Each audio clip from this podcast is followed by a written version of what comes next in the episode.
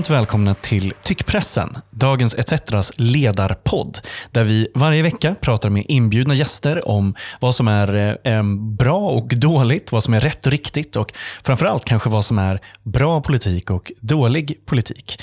Um, det här är ett litet speciellt avsnitt, för det är nämligen det 25 avsnittet. Eh, det här är en milstolpe. Det känns jätteroligt för mig som eh, programledare och det känns jättekul att du som eh, lyssnar kommer tillbaka. Många av er är ju återkommande lyssnare.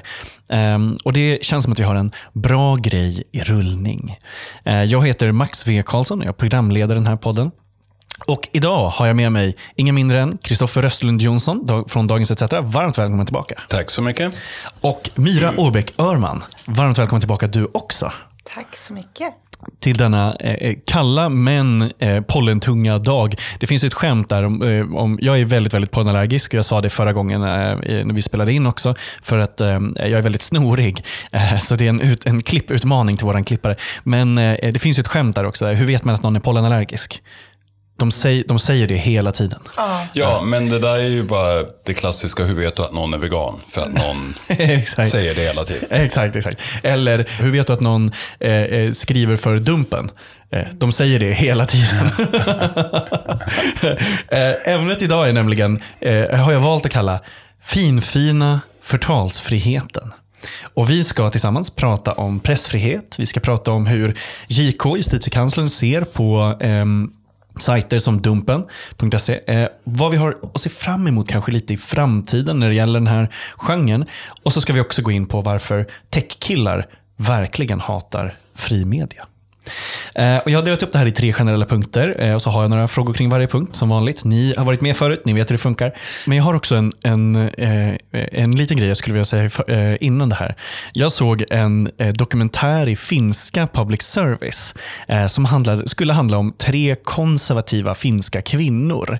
Den här var väldigt bra. Den, den finska titeln blir, på svenska blir ungefär ja, men, finska jungfruar, typ. Det är liksom ordet för det. Sen råkade det ju vara så att de här tre konservativa kvinnorna var olika grader av högerextremister. Vissa var liksom, eh, två av dem var e öppna etnonationalister. Hur kan det bli så hela tiden? Jag Oops. Ja, verkligen. Men eh. är titeln någon lek på Iron Maiden, alltså Margaret Thatchers järn? Eh, Nej, nej, utan det är bara det är ett finskt ord som är liksom... Det är något man säger om ja. nassekvinnor. Ja, men typ så traditionella kvinnor. Liksom. Eh, mm. Eh, och, liksom. Ja, men lite så. Mm. Eh, och liksom, men det, det är ett sånt. Men då, eh, de hade ett, i Finland så hade de ett så roligt ord för ehm, eh, förtal eller hat. Eh, vet, vet, ni vad det heter på finska? När Inte någon då, en aning.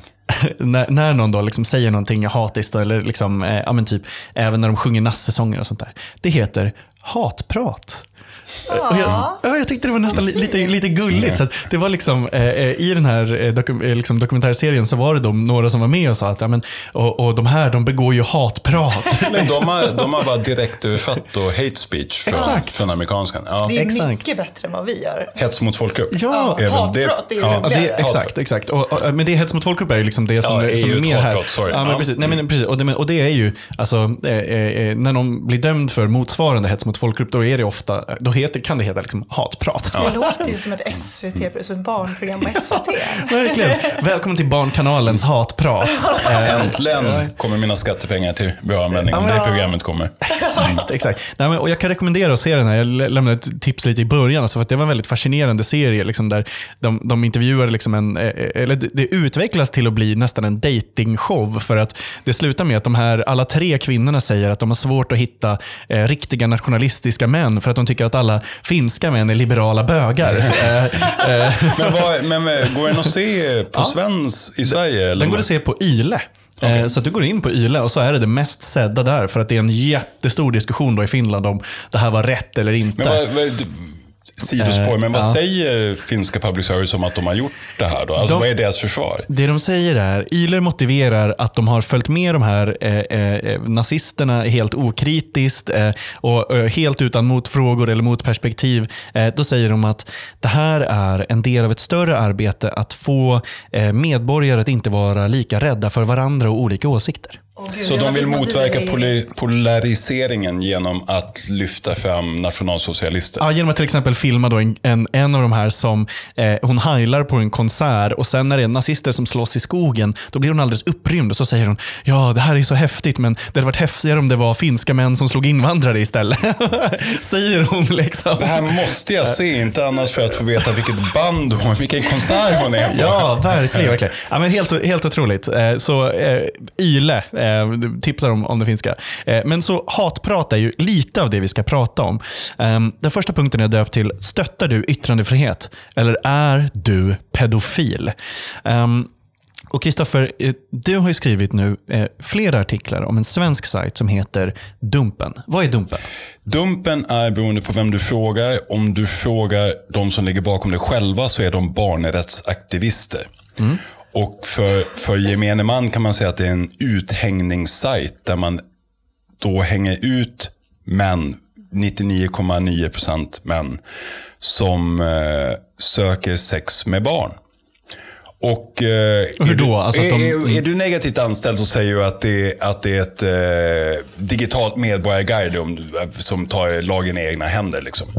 Det, det man gör är att man, eh, man på internets olika plattformar utger sig för att vara ett barn eller en eh, mamma med ett barn och på så sätt interagerar med män och lockar dem till möten med löften om, att, om sex med barn.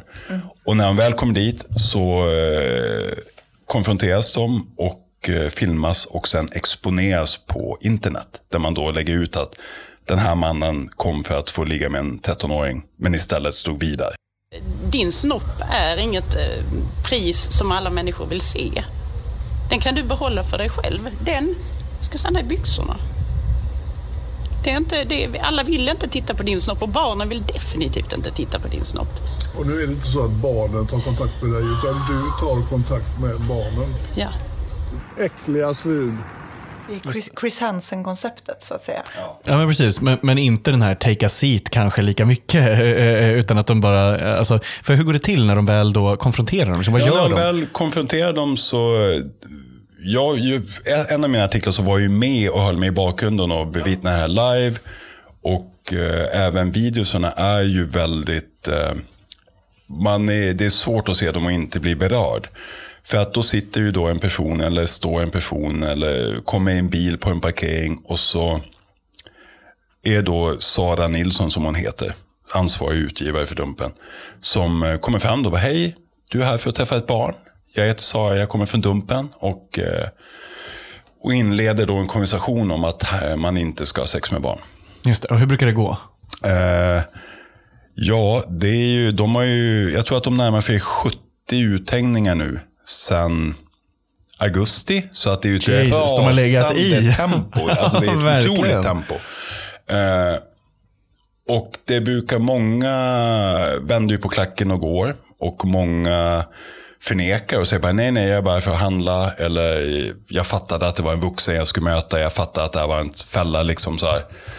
Jag ville bara hjälpa dem. Jag har Ja, sett ja. jättemycket sånt där, eh, fast den amerikanska varianten. Ja. Det, det, Att det är väldigt mycket så. Och eh, i, när jag pratade då med Sara och, ja, för de som inte känner till det, hennes parhäst i det här är ju Patrik Sjöberg, en av Sveriges största, mest kända idrottsmän genom tiderna. Verkligen. Och det är ju Patrik Sjöberg som är liksom the famous face av Dumpen och så Sara Nilsson som är ansvarig utgivare. Och även övergrepp. Alltså det, det, det, var ju en, det blev ju en stor grej när, Ja, när Patrik Sjöberg precis. Det skulle jag säga att- berättade om sina egna Ja. erfarenheter av, av att vara utsatt. Ja, och han skrev ju en bok om det, för jag tror att det är tio år sedan där han då kom ut som överlevare av sexbrott. Eh, och det är han ju helt öppen med också. Det är ju också, vad ska man säga, grunden för Dumpens agenda. Ja, men, och lite av patoset också. Ja, exakt. Nej men eh, de beskrev ju då när jag var med när de konfronterade en man så sa de ju att när man väl presenterar, eller när man presenterar vem man är och caset, vad man håller på med. Så har man ett par minuter innan personen fattar att det inte gynnar dem att sitta och babbla. Utan de stänger ner. Ja, de stänger ner och går därifrån. Men de har ett fönster på ett par minuter när de bara, för att så funkar ju människan. Någon kommer fram och säger tja, jag heter bla bla, och så du vet. Om man inte, alltså, då bara pratar man på. Och som Patrik Sjöberg sa till mig, så bara, men man har ett par minuter, ett fönster, innan de fattar att det inte gynnar dem att sitta och babbla massa skit. Och då går de. Men då räcker ju, du har Dumpen ett par minuter på film, som sen läggs ut fort som fan på internet. Och sen delas och sprids enormt. De har en enorm spridning. Jag har inga siffror, liksom, men det är ju, de har en sociala medier-närvaro som är stor. Mm. Ja, hundratusentals tittare är det ju, eller besökare varje dag är det ju. Ja. Och, eh, Myra, du har sett Dumpen också. Eh, hur skulle, Ja. du, hur skulle du beskriva sajten för någon som liksom inte är insatt? Alltså, jag tänker bara spontant, för jag tittade på... Eh, efter att vi träffades sist, senaste gången vi träffades pratade vi också om det här med pedofiljägare. Ju. Eh, för, vad kan det vara, ett halvår sedan kanske? Och jag började titta på den amerikanska företeelsen och det finns ett par YouTube-konton som gör exakt det här. Och det är så jävla, för mig är det så jävla problematiskt hur, just det där att de har det här snabba, de måste liksom få in ut content därför att de har Eh, dels så finns det ju någon form av, av rättspatos eh, liksom hos till exempel Patrik Sjöberg tror jag är väldigt mycket rättspatos och väldigt mycket så att han vill eh, hämnas sin egen eh, Ja, de gör det inte för att det är kul trauma. riktigt. Nej, jag, det, Men det jag finns också säga- vinstintressen som har en tendens att ta över. Mm. Det är där det börjar liksom varva upp. Jag, skulle, alltså, jag är inte så bekant med de här utländska, men jag skulle nog säga att eh, gällande just Dumpen tror jag vinst, alltså ekonomiska intressen från den ser jag är väldigt, väldigt litet. Jag tror att de är helt hundra, de gör det här för the cause. Just det, Alltså, det- Det, är intrycket saker. fick jag också. Ja, För det finns nej. några riktigt vidriga YouTube-konton där man märker att personerna som gör det här är mer eller mindre någon form av, av psykopater som bara vill de vill liksom förnedra folk och då vet Just de det. att det är ingen som bryr sig om man förnedrar en pedofil. Vilket gör att de gör det här och så får de in massa views på YouTube och massa klick och får massa pengar. Och jag tror att det är där det eskalerar. Och det är väl problemet med Dumpen, tänker jag. Att det här, är det här väldigt framgångsrikt så kommer det dra till sig folk som kanske inte gör det av, inom citationstecken, rätt anledningar. Så att säga. Och det ska man ju säga också att det, här, Det det, här tar ju ganska lång tid för det här att komma till Sverige. Att det, runt om i världen har ju det här funnits länge. Jag skrev om det här första gången för över ett år sedan. Då fanns inte Dumpen. Eh, men jag skrev om andra som var på väg att ta ska- pedofiljagandet till Sverige. Och då var ju mycket mer machostinna män, fotbollshuliganer, streetfighters. Och då handlade det mer om förnedring. Att man lurar någon till ett möte och liksom tar förnedrande videos, håller fast dem, spöar dem lite lagom. Liksom sådär. Eller typ tvingar dem att eh, ringa någon och erkänna eller något sånt där under hot. Liksom. Och jag menar, det, och det är som, jag intervjuade också en brittisk eh, kriminolog. För i England har ju det, som han sa, det här är en folksport i England. Det här i England har man hållit på med i pedofiljägaren i, liksom i över ett decennium. Och det finns pedofiljägare i alla större engelska städer. Det är Just det nya knäcka bög på något vis. Ja, men verkligen. Man går ut i grupp med grabbarna. Ja, Och, det, verkligen. och då var jag också i slutet av 2000... Vilket år är det? Det är 2022 nu. I slutet av 2020. Jag skrev ja, men i början av 2021. Då var ju en eh, äldre man som blev misshandlad till döds då eh, i Holland, i en holländsk stad, som luras till ett möte av ett gäng tonåringar som enligt eh, sig själva då hade haft tråkigt under pandemin och tänkte att de skulle chatta upp då en eh, Eh, Ja, en påstådd pedofil och ta ett möte och han, den mannen blev ihjälslagen av en grupp tonåringar. För här kommer vi också till en skillnad. Då. Det där är ju uppenbarliga brottsliga handlingar. Liksom. Och även mycket av det i Storbritannien och mycket av det som är, även sker i USA, även om kanske de inte blir anmälda jätteofta av, av de här eh, eh, som förnedras eller så. Men, men, Mörkertalet är ju enormt ute i Europa. Liksom. Det är ju ingen som blir uthängd som pedofil som direkt vill gå till polisen och Nej, säga men det. exakt, exakt. Men en skillnad där då, eh, eh, det är ju att Dumpen verkar ju inte begå några brott. Det kan ju kännas som eh, att eh, eh, liksom, eh, det kan vara oetiskt eller att det kan vara problematiskt eller att man kan få något skav eller något sånt där. Men du har ju också pratat med, eh, i den här senaste artikeln, så pratar ju du med justitiekanslern. Eh, så hur ser justitiekanslern på den här eh, verksamheten? Ja, alltså hon ser ju på det. och Hon, det har ju kommit in jättemånga anmälningar mot Dumpen som gäller just förtal. Och i och med att Dumpen har ett utgivningsbevis, precis som Dagens ETC, Aftonbladet, Dagens Nyheter, alla etablerade media, så går det då först till justitiekanslern som ska hantera tryck och yttrandefrihetsbrott. Och hon har valt i samtliga fall att inte inleda förundersökningar. För att hon tycker inte att det är, Marie Heidenborg som hon heter, att det inte är principiellt viktigt att ta upp det här för JK. Och, men det betyder ju inte att det är lagligt. Utan det kan mycket väl fortfarande bli ett förtal, men då måste den uthängda mannen själv föra sin talan i, i domstol. För att förtalsmål ska föras av den förtalade, den som känner sig kränkt. Och då får man ju också pynta sin egen advokat och förlorar man så riskerar man då att pynta sin motståndares försvar. Liksom, så att då är, det finns ju en helt annan ekonomisk aspekt av det än när staten för din talan. Mm. Ja, men för det är ju så att JK väljer vilka fall de vill ta upp och så. Ehm, och JK har ju ett bra tag fokuserat på eh, kanske då hatprat, alltså hets mot folkgrupp. Eh, där man har eh, tagit upp flera fall med, med hets mot folkgrupp och, och drivit dem. Ehm, och eh, Man valde ju då rätt nyligen också att eh, faktiskt driva ett åtal mot Cissi Wallin. Ehm. Vilket jag tar upp i min senaste artikel och ställer Exakt. det mot Dumpen. Liksom, och Cissi Wallin-fallet var ju... Vad är skillnaden då? Oerhört ovanligt. Det är ju första gången staten har åtalat en författare sedan 60-talet. Och då med hot om att förstöra boken. Skillnaden enligt JK är att Cissi Wallin först dömdes i vanlig tingsrätt för att hon hade gjort en uthängning av den man hon hävdar har våldtagit henne. Mm. Hon gjorde en uthängning på Instagram och Instagram faller inte under JK. Så då valde den uthängda mannen att driva det i i, i tingsrätt och där dömdes Cissi Wallin för förtal. Så, just, så, så, det var den här tidigare domen ja, som ledde till att Ja, det var den tidigare domen som ja. gjorde det. Eh, så att då när Cissi Wallin sen släppte en bok som faller under JKs ansvar, då tyckte JK att det var tillräckligt principiellt viktigt för att för då blev det som en upprepning av brottet på en ny plattform. Just det. Men, de tänkte att det skulle bli en homerun egentligen, att det fanns redan liksom en... Alltså, ja, det, ja, var mer, var, mer viktigt att testa i alla fall. Ja, alltså det är principiellt viktigt som det heter inom juridiken. Uh, men samtidigt när jag intervjuade den så sa hon ju att om samma scenario upprepas med Dumpen så ska man inte räkna med att hon kliver in bara därför. Liksom om Dumpen skulle då fällas i tingsrätt för förtal och sen bara ånga på och köra liksom samma... Hänga Trycka ut samma. en tidning eller en bok? Eller nej, nej, ja, jag vet. Det kanske är plattformen som avgör då. Att, mm. Men om de bara fortsätter, om de fäller sig, om Sara Nilsson då Säg att de gör en, en liksom coffee table-bok med bilder på pedofiler eller någonting. Kanske... på, på, på kalla kukbilder de har samlat ihop.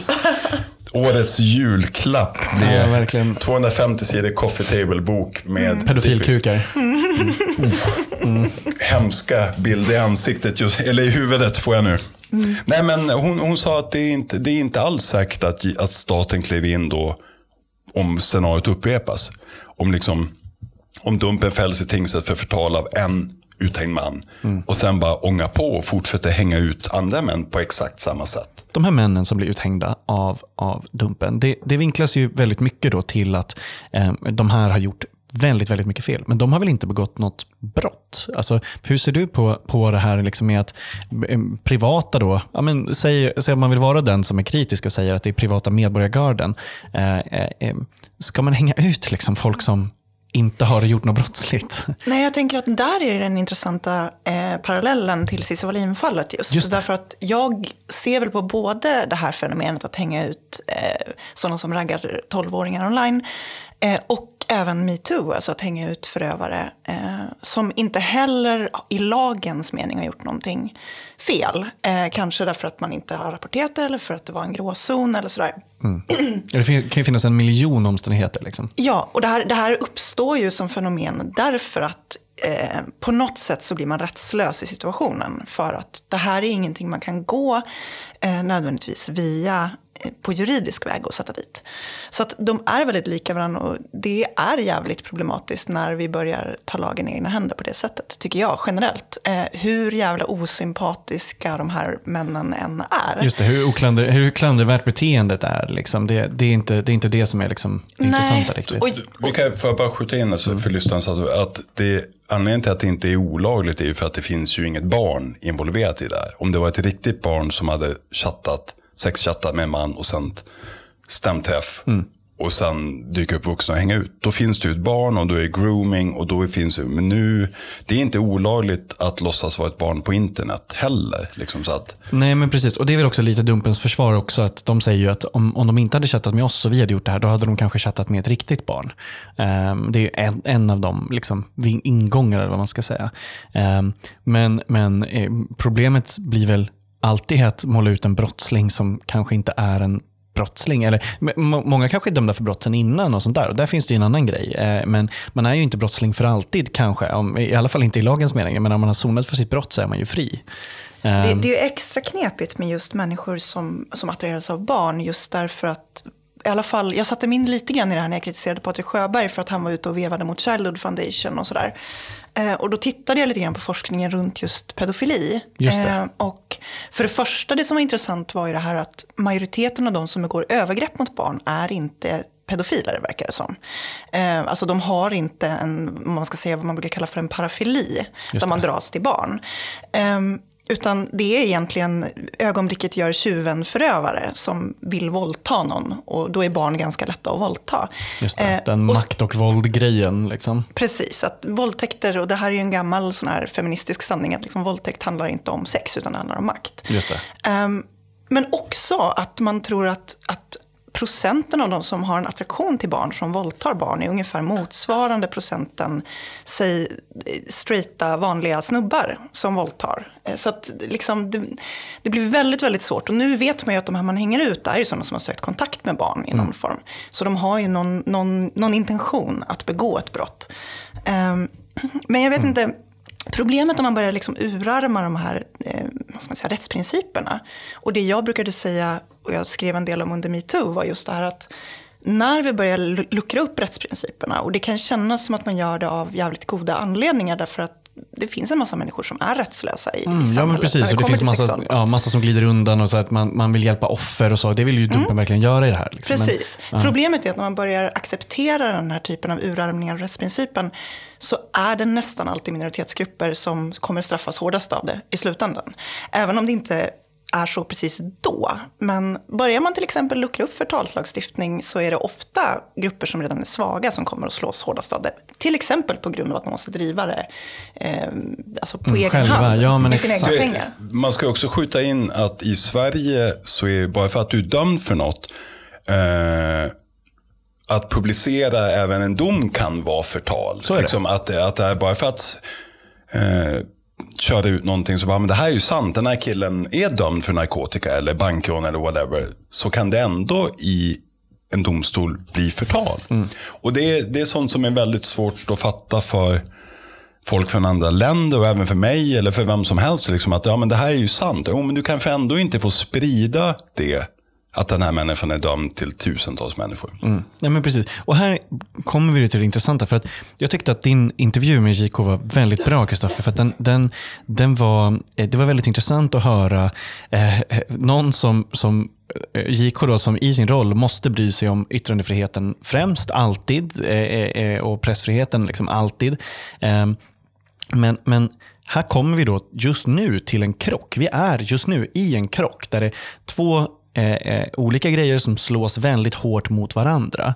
Ehm, och där det, det känns som att det är i, i eh, ett litet skifte. Vi har ju sett liknande sajter som kanske inte handlar om samma sak som Dumpen, men som handlar om andra saker som också eh, väljer att skaffa ansvarig utgivare, använda de verktygen som finns och sen egentligen eh, lämna det etiska systemet för hur det ska gå till. Som till Men exempel man- stoppa pressarna. Man väljer att inte ingå i det etiska system som på Mm. något sätt har gjort att det svenska systemet ändå funkat hyfsat bra fram till nu. Att alla... och varit självreglerande. Ja, man reglerar själv Ja. och man ingår i ett etiskt system som om någon känner sig felbehandlad av eh, dagens ETC så kan de göra en anmälan till medieombudsmannen. Om vi, om vi då- klandrar så måste vi ta in och liksom, här gjorde vi fel. Ja, och man kan också få genmäle i princip alltid utan att gå den vägen också. Liksom man kan starta med det. Eh, och, och så. Men här då, om man inte måste stå inför det medieetiska ramverket och om man får jättemycket uppmärksamhet när man inte gör det, som de här sajterna får. Varför skulle man ens vara med? Vad, vad tjänar man på det? Det man tjänar på det är ju att man slipper eh, att, att det lagstiftas och begränsas på juridisk väg. Eh, och det, var ju, det var ju det som var anledningen till att det press, alltså hela eh, pressombudsmannen och allt alltså hela den tanken om att, att branschen ska reglera sig självt kom ju upp just för att, att journalistik måste vara fristående från staten. Mm. Och det blir jävligt fel om Eh, om, man måste, om man vet att man som, som tidning lyder under staten, då förlorar man ju ja, förmågan Då blir du ju inte den tredje statsmakten, Nej. alltså av oss. Exakt. Så det, det, här är ju någonting som är fullständigt logiskt. Jag skrev för ett tag sedan om just det här att vi kommer ju se samma sak med sociala medier förmodligen. Därför att det sista de här nätjättarna vill är ju att det ska lagstiftas runt vad de får publicera och inte. Och då kommer de att behöva sätta sig själva och reglera för att komma undan det. Men finns det då en risk att det här, den här typen av sajter, alltså dels tror ni att den här typen av sajter kommer öka, men också eh, eh, vad kan konsekvenserna bli av det här? Kan det bli att man liksom inskränker lagvis då, att det blir liksom det motsatta, att man, man går hårdare mot det, eller kommer man ens våga röra det? Jag menar, tryckfriheten är ju om något helig. alltså vi har ju, Sverige har ju världens bästa, eller starkaste ja bäst eller sämst får man ju beroende på vilken ståndpunkt man har gällande yttrandefrihet. Men vi har det starkaste skyddet för tryck och yttrandefrihet. Mm. Och eh, JK, i min intervju som ni kan läsa på etc.se. Mm. Och vi kommer länka till den också i beskrivningen. Är ju väldigt, eh, hon vill ju inte si om framtiden som hon, hon, det är ju inte hennes roll lite, men hon nej, säger nej. ju att jag ser att det är en olycklig utveckling på väg. Och det kan man ju hålla med om. Och, eh, och sen intervjuade jag Mårten Schultz då, som är Sveriges mest kända Rättskommentator kanske? Ja, han syns ju överallt och är ju extremt kunnig och juridikprofessor. Verkligen. Han... Eh, Shoutout till Mårten. Ja, mycket trevlig och också väldigt eh, bra på att bjussa på citat, svarar jag alltid. Ja, toppen. Men eh, han säger ju att det mycket väl kan bli så att om den här utvecklingen eskalerar, att det, som, som Mya säger, att det kommer att höja sig röster på att vi måste skärpa lagarna och begränsa ytan och tryckfriheten. Kanske inte nu, kanske inte om 10 år, men kanske 15-20 år. Att då kommer opinionen att bli så stark för att det självreglerande systemet har fallerat för att så många väljer att stå utanför. Mm. Och det är ju såklart en skitdålig utveckling tycker jag som journalist och som medborgare i Sverige. Just det. Vad tror du Mira? Tror du att vi kommer få se fler sådana sajter? Och har du någon liksom, spaning i vad det skulle kunna vara i så fall? Vad tror du nästa steg är för uthängningssajter? Ja, gud, Om du har din spåkula. Jag, jag ja. tänker att det finns ju redan en massa sådana här saker och en del har ju blivit dömda. Um, till exempel, de, de här som höll på att dreva Lamotte och hans gäng eh, drevade mot näthatsgranskaren. Eh, Thomas någonting. De blev dömda, är jag ganska säker på, för förtal just för att de spred det här. Så att jag, jag, tror att absolut att det här kommer bli vanligare. Och jag tror framförallt att det är ju precis de här kretsarna, de liksom ute i någonstans det bruna högervattnet som kommer att utnyttja det. Sen är frågan om de fattar i tid att hoppsan, vi kanske måste självreglera om inte vi vill bli nedstängda. Alltså, det, det JK sa och även Mårten Schultz sa och som, jag, ja, men, som vi alla här själv vet också att uthängningssajter är ju något som högerextrema har varit väldigt tidiga med. Och har hållit på i över tio år liksom, med den sortens uthängningar på nätet. Av ja, men dömda brottslingar med invandrarbakgrund, pedofiler, vänsteraktivister. Men Dumpen och i viss mån då Stoppa pressarna som ju inte är en uthängningssajt, men är ju en... De hittar ju bara på. Det liksom, de, de, går till jobbet varje dag, eller det är liksom min bild är att de, uh, han går till jobbet varje dag och så tänker hmm, vad ska jag hitta på idag? Du, jag tänker inte uttala mig om det, men, det, vi kan säga stoppa, för den stoppa pressen är en skvallersajt som sysslar med journalistik om kändisar. Ja, som, och politiker. Och, och, de ingår inte i det pressetiska systemet. Mm. Så de... Tar väldigt lätt kanske på vad man kan säga och skriva om folk och hur man kan vinkla saker. Eh, Dumpen och Stoppa pressarna är väl de första som de har inga politiska förtecken. Dumpen har ju ingen politik. De är inte höger, vänster. Eh, de brinner bara för att hänga ut då, men de anser pedofiler. Och det, det är väl det nya, att politiken saknas. Att det, det, de, finns inga höger eller vänstertecken bakom det. Och det gör inte bakom Stoppa pressarna heller. Man ska också ha lite is i magen för att man ska ändå, om man tänker efter, det är väldigt, väldigt få människor som vill bli frontfigur för sån här verksamhet. Det är ju på något sätt att the stars must be aligned med tryckfrihet och visserrätt människa. Till exempel som Mårten Schultz och JK lyfte i min artikel att eh, den dagen vi får en sajt som sysslar med hämndporr Just det. som väljer att skaffa utgivningsbevis. Den dagen kommer verkligen vår tryck och yttrandefrihet att testas till maxgränsen.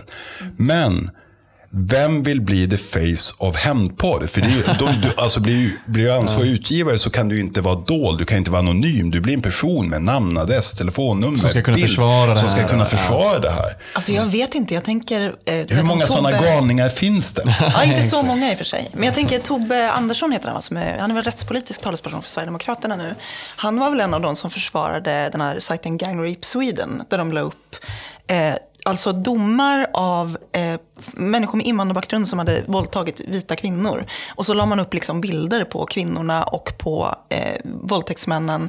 Eh, Jag har helt missat det här och jag är väldigt glad att jag har missat det här. Det var några år sedan. Håll, ja, håll, håll dig borta från det skulle jag säga. Det är verkligen...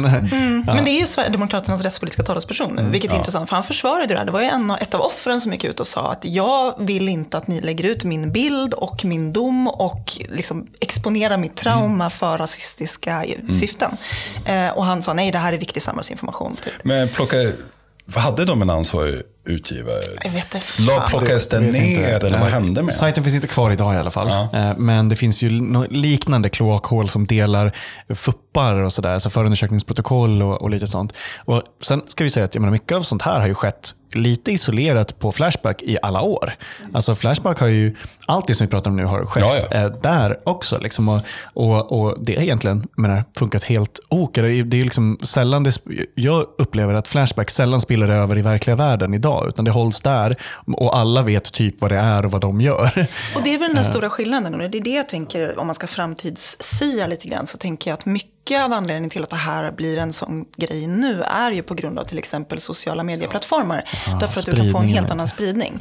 Det var en annan sak när du tryckte upp en liten, en, en, liksom en liten Pamflett, en typ. pamflett där du la bilder på lokala pedofiler. Därför att det var bara närmast sörjande som drabbades av det. Nu kan det ju spridas till hundratusentals jag menar, det skulle jag säga, jag som är äldst med råge i det här rummet. Att, jag, menar, jag minns ju när Flashback var, var en papperstidning och de publicerade, här är dömda svenska våldtäktsmän. Och så var det bara ett uppslag med liksom passbilder och namn på liksom folk som var dömda för våldtäkt i början av 90-talet.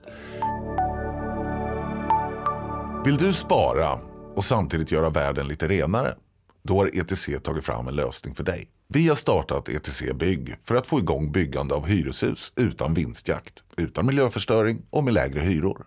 Spara direkt i husen till 2% ränta. Läs mer på etcbygg.se. Jag är ju väldigt historiskt intresserad ehm, och här finns det faktiskt en intressant parallell även till eh, gammal, riktigt gammal då, vänsterpress. Ehm, Ture Nerman har jag nämnt någon gång i den här podden förut. Det var en, eh, en rolig prick och en, en historisk karaktär i Sverige. Han ehm, eh, eh, satt ju bland annat i fängelse under andra världskriget för att han hade smädjat Hitler. Så han satt i Långholmens fängelse för att han i, i sin tidning trots allt hade publicerat satir om Hitler under pågående krig. Eh, och han gjorde då en tidning som var, den hette Trots allt. Det var, gjordes på frivillig basis av eh, eh, liksom, ja, men lösa eh, socialdemokrater, socialister, kommunister och anarkister i Stockholm. Ehm, men, eh, och det, det växte under krigets gång till en redaktion med hundratals människor som hjälpte till. Ingen mediakris där. Nej, verkligen. Och den, och den hette då som sagt Trots allt efter den tyska tidningen Trots dem med samma namn som var en, en eh, antinazistisk tidning. Ehm, I ett soprum hittade jag alla nummer av den här. Det är en historisk eh, eh, relik. Ja, vad, man, vad man kan hitta i soprum. Eh, nej, men, och då, eh, eh, det är väldigt intressant för att de avslutade varje tidning, varje nummer som kom då en gång i veckan från 1939 till 1945 med en lång lista på eh, svenska nazister som de outade. Eh, så att de avslutade varje baksida med en lång, lång lista på här är den svenska nazistkaptenen vid Scanias fabrik eller här är ehm, den, eh, eh, den nazisten som har, de menat hade infiltrerat Stockholmspolisen eh, eh, och, och, så, och liksom bara listade namn och adress rakt upp och ner i en lång lista på, Men på svenska nazister. Prövade sig i domstol. Det var ju inget konstigt att vara nazist 39. Alltså det var ju Nej, men exakt, och parti. där, grej, men grejen var att de, de, de gjorde ju det med alla som hade någon form av nazikoppling också. Eh, och det prövades faktiskt då. Eh, eh, Det men, var någon som, in, som kändes uthängd och kränkt och som inte var. Eh, han var nazist, men han kände sig ändå då, eh, eh, kränkt över det här. Och Det var en adelsman eh, eh, som, som tyckte att det var fel att han nämndes i det här eh, eh sammanhanget. och sådär. Ehm, och inte av den det gick inte vidare, men det numret plockades bort. Men det var inte för att man hade smädat den här personen, då, utan för att man faktiskt smädade då Hitler i Okej, samma nummer. samma Ja. Eh, Så att, eh, och två nummer totalt plockades bort. Men, men där var det ju också en sån grej, man såg vikten av att bara eh, lägga ut det här, bara låta det vara där. Och Det var inte heller människor som då kanske hade begått något brott, men de hade eh, åsikter eller då eh, vad man menade stöttade liksom, eh, kriget. Eh, och det är lite intressant att liksom följa det eh, eh, ja, men fram till, till nu. Där, det är ju nästan hundra, eller inte nästan hundra, det är typ 80 år sedan. Men, ehm, där liksom det, eh, uthängningar i sig är ju ingenting nytt. Men for, formen och skepnaden det tar nu i formen av ansvarig utgivare och mediehus är ju eh, eh väldigt, väldigt spännande. Men precis, och det där tror jag är viktigt att komma ihåg. Vi är ju lite bortskämda. Jag tänker på det här mycket i det politiska klimatet överlag. Vi, vi har någon tanke om att det här, det här ganska trevliga, eh, alla ska vara den vuxna i rummet eh, stadiet vi är i, att det är det normala. Men så har det ju verkligen inte varit. Jag tittade lite på det här, liksom, hur det har varit mediehistoriskt. Innan den började själv, självreglera var ju precis så det var ju vilda västern. Liksom. Alltså, ja, det var det verkligen. så, Det är en ganska kort eh, tidsperiod som det faktiskt har varit reglerat och städat och snyggt. Eh, Och nu är vi tillbaka i vilda västern. Och jag menar, ja men Mårten Schultz säger ju i min artikel att han tycker ju, alltså som sagt han pratar i citat så att det är ju tillspetsat, men han tycker ju att eh, att, vår, att skyddet är för starkt för yttrande och tryckfriheten i Sverige. Att han ser att det finns ett glapp mellan vad vanliga medborgare, mannen på gatan kan säga och vad vi inom media, vad mediehus kan göra. Han tycker att det är för stor skillnad där. Att media borde åtalas och fällas oftare för förtal eller andra tryckfrihetsbrott.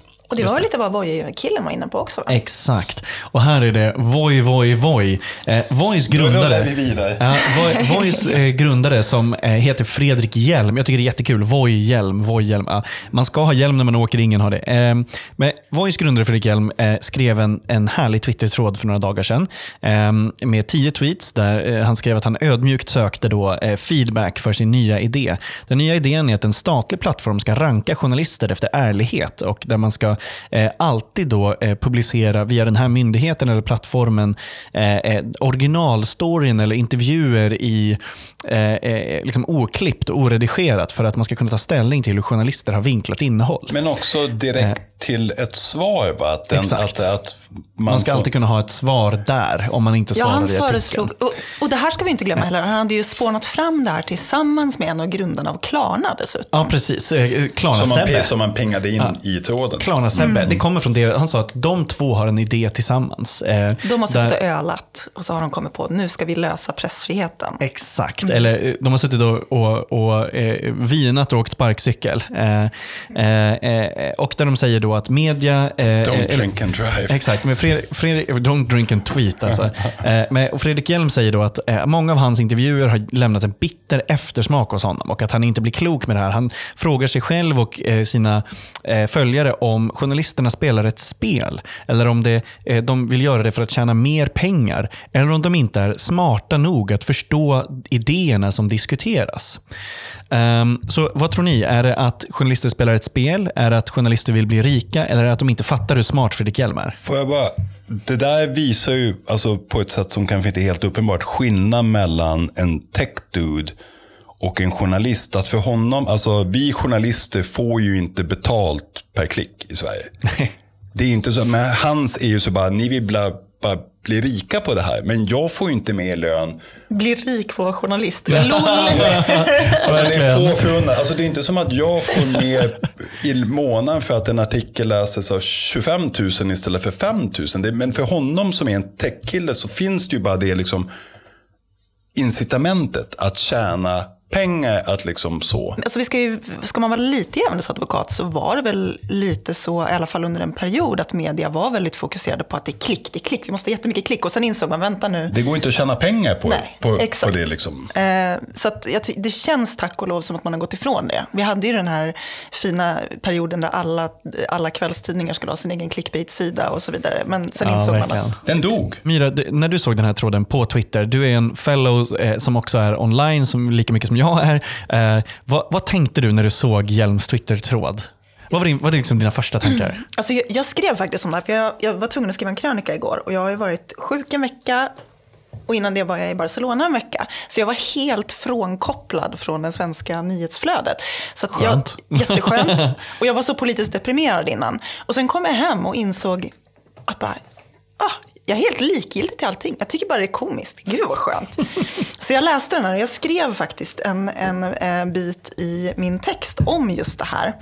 Eh, när jag såg den här tråden som jag kan plocka fram och läsa. Ja, hemskt gärna. Vart kommer den här texten publiceras? Eh, tidningen Syre, typ Jättebra. i morgon eller något sånt där. Då kommer vi Eh, att länka även till den. och så här skrev jag om det. Det blev inga insiktsfulla spaningar för krönikor. Det närmaste jag kom var att om techsnubbar, rent teoretiskt eller i någon sorts datorspel, blev slagna på käften lite oftare under prisutdelningar kanske de inte skulle ha så höga tankar om sin förmåga att förstå och lösa komplexa samhällsproblem. Uppmana till våld. jo, exakt. jo. Ja, I datorspel. Vi, vi har en ansvarig utgivare för podden, så det är ingen fara. Ja. Eh, Nej, men det, för det var både den här och sen var det då Elon Musk som skulle lösa Ukraina-kriget genom att utmana Putin på duell om Ukraina via Twitter. Som, som liksom inspirerade den här tanken tillsammans då med den här Oscarsgalegrejen. Um, och det, alltså det är väl lite så jag känner inför att det finns en sånt oerhört storhetsvansinne i det här. Att, eh, att, att liksom jag har en massa pengar, jag blir hyllad som någon sorts eh, innovatör som kan lösa alla världens Jesusfigur problem. nästan. Ja, men speciellt Elon Musk är ju 100% en liksom, frälsartyp. Um, och bygger ju väldigt mycket på den imagen också av sig själv. Och jag tror att det skapar sånt enormt storhetsvansinne. Därför att bara för att man kan lösa tekniska saker så tror man att nu ska tech lösa allt. Och vi kan lösa allt med tech. Eh, och lösningen som de pratar om i den här tråden är ju en teknisk lösning. Liksom att i princip skapa en hjälp för journalister där de ska kunna rangordnas då efter hur sanningsenliga de är. Eh, att ha någon form av hur de knappar. bedöms vara, exakt. Mm. Den magiska knappen kallar de det. Ja, så i slutet av alla artiklar så ska man kunna lägga in en knapp som går direkt till då någon statligt eh, hostad sida. Eh, där, som du var inne på, de riktiga citaten ska ligga så folk får en chans att bemöta. Sanningsministeriet. Mm. Alltså det är så många nivåer av det här man kan plocka i. Men just också att tech-dudes som i regel brukar vilja ha mindre statlig kontroll, mindre reglering, staten ska lägga sig i mindre. Här nu skriker för ökad, hårdare statlig reglering av frihet. Ja. Ja, verkligen. Men, men det du Men säger, där, vilken- där, där om storhetsvansinne är nog, liksom, vad ska man säga, hammaren på spiken. Alltså att det är verkligen det att jag har blivit miljardär på det här. Då måste jag kunna göra det här. Och, liksom, och också att det kommer ju någonstans, kommer ju där, som han säger då, att han och Klarna, Sebbe, har gjort så många hundratals intervjuer som, där de tycker att de har framordnat som inte är jättebra. Och det är ju en kränkthet i det där. Jag är kränkt över det här. Nu ska jag lösa det med en teknisk lösning. För att, så att ingen ska kunna kränka mig. Verkligen. Viktig kontext i det här också, det är ju att det nyligen rapporterats i media om hur Voi bland annat har ryska storägare, eh, inklusive oligarkägare. Så det är inte omöjligt att det här snacket med, med Klarna Sebbe kom utifrån det. Eh, jag, det jag tar med mig mest när jag ser sådana här trådar, som kommer då och då, det är att de som är högst upp, de som har mest pengar eller mest makt, de är verkligen inte smartare. De är inte, det är inte så att det är en naturlag att de som är högst upp är smartare. Eh, och att det liksom inte är så att det är eh, eh, den liksom, frälsarrollen. Det går inte att tänka att de som är på samhällets topp är automatiskt bättre eller klokare.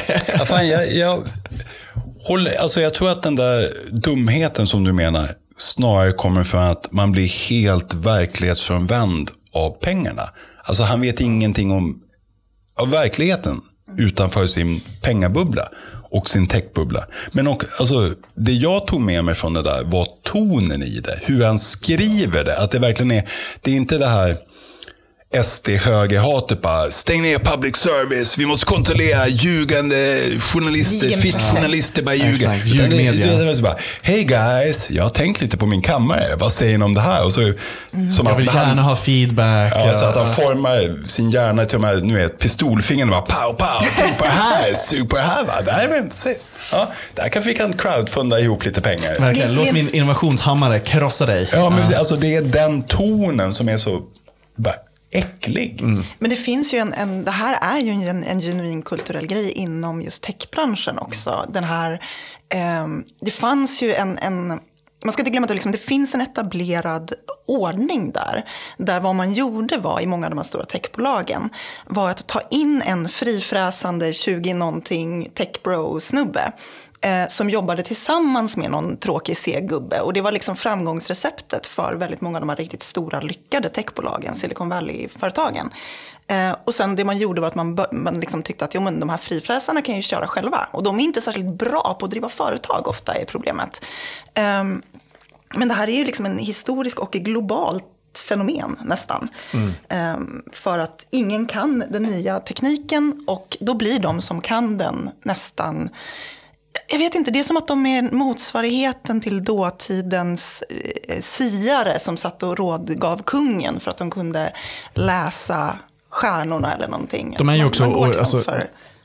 De är ju också Snakes Oil salesmen på det där sättet att de säger att det här kommer lösa allt. Och Sen så lanserar de någonting och sen så går de vidare till nästa. Och då är de redan i nästa by när man fattar att det inte funkar. Men, men, men ni, som, ni som följde det här då, tråden. Jag Ja, läste på hans originalinlägg och såg de första direkt så blev han ju roastad och hånad. Ja, det Men- var sån otrolig ratio. Men var det någon som uh, höll med honom eller på något sätt backade honom? Eller liksom Ja. Det, ja. Och här kommer vi till en intressant skillnad apropå online-rummen som du pratar om, eh, Emira. På Twitter så blev ju Fredrik Hjelm väldigt grillad.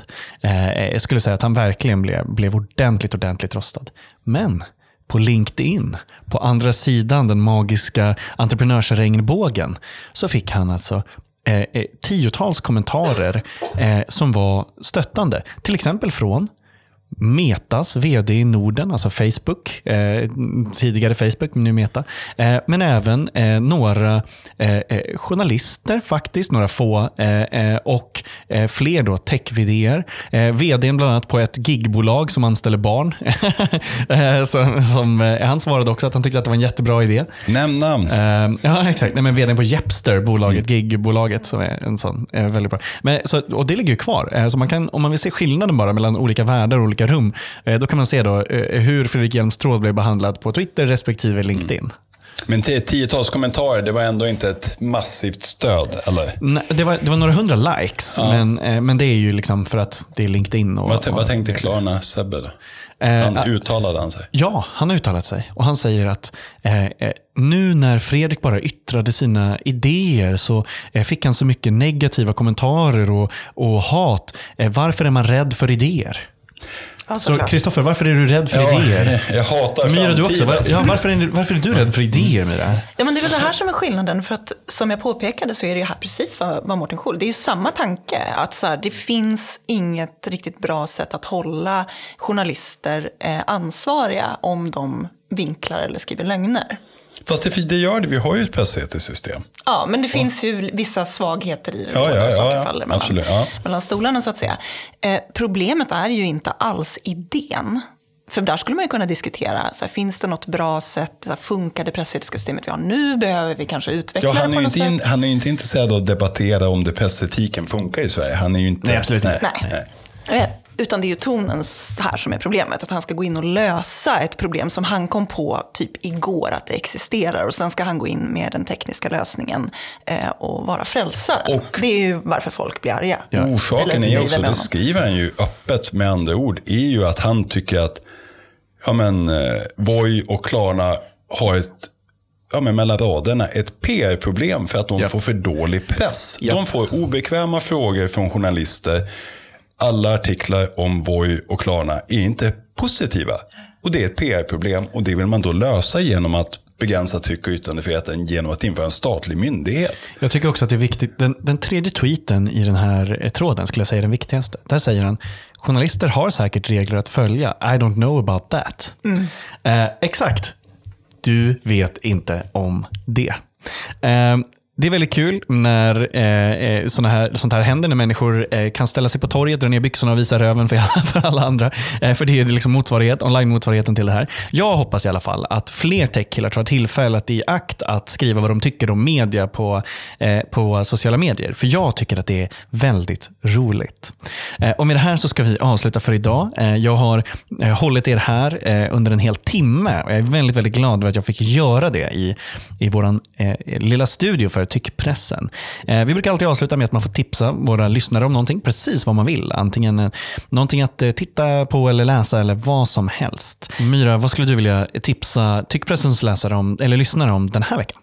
Ehm, Så här i eh, nihilismens eh, vecka eh, som jag är inne i. Bra. jag vill tipsa om att Eh, gå in och trolla fler högertyper på nätet. För det jag insåg igår, jag skrev en väldigt, väldigt harmlös, retsam tweet om att högern egentligen vill ha det som i Sovjet.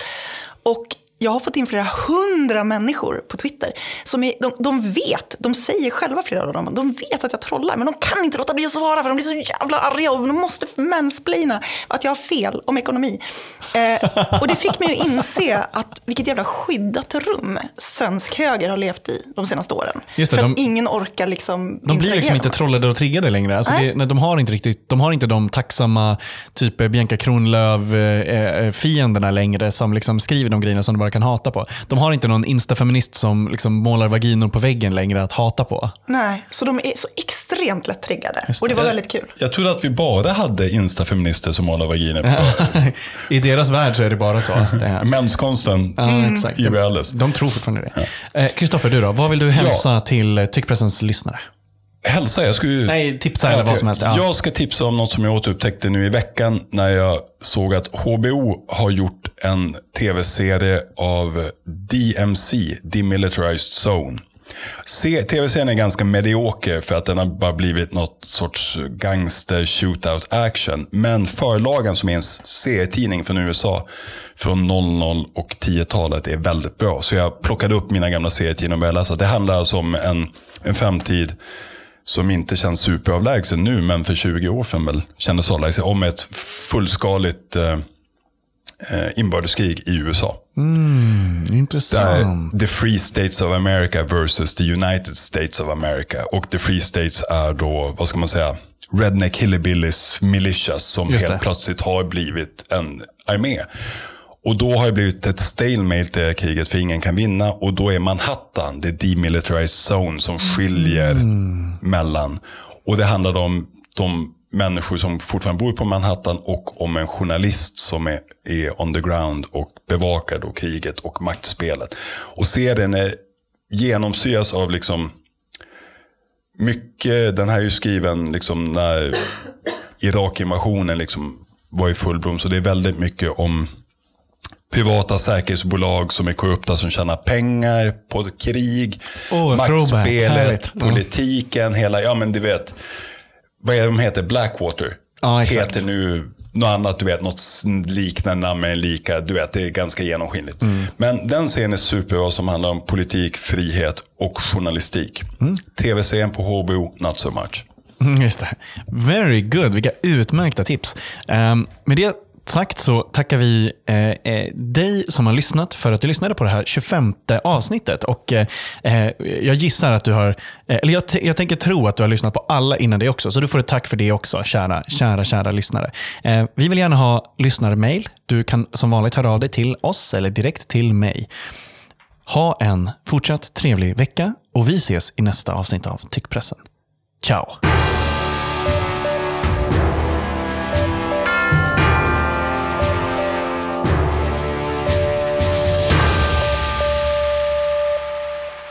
Har du pengar på banken? ETC Sol investerar dina pengar i solceller, det vill säga framtiden. 2500 personer har sparat pengar och får nu 2% ränta. Vill du vara med? Läs mer om hur du sparar på etcsol.se.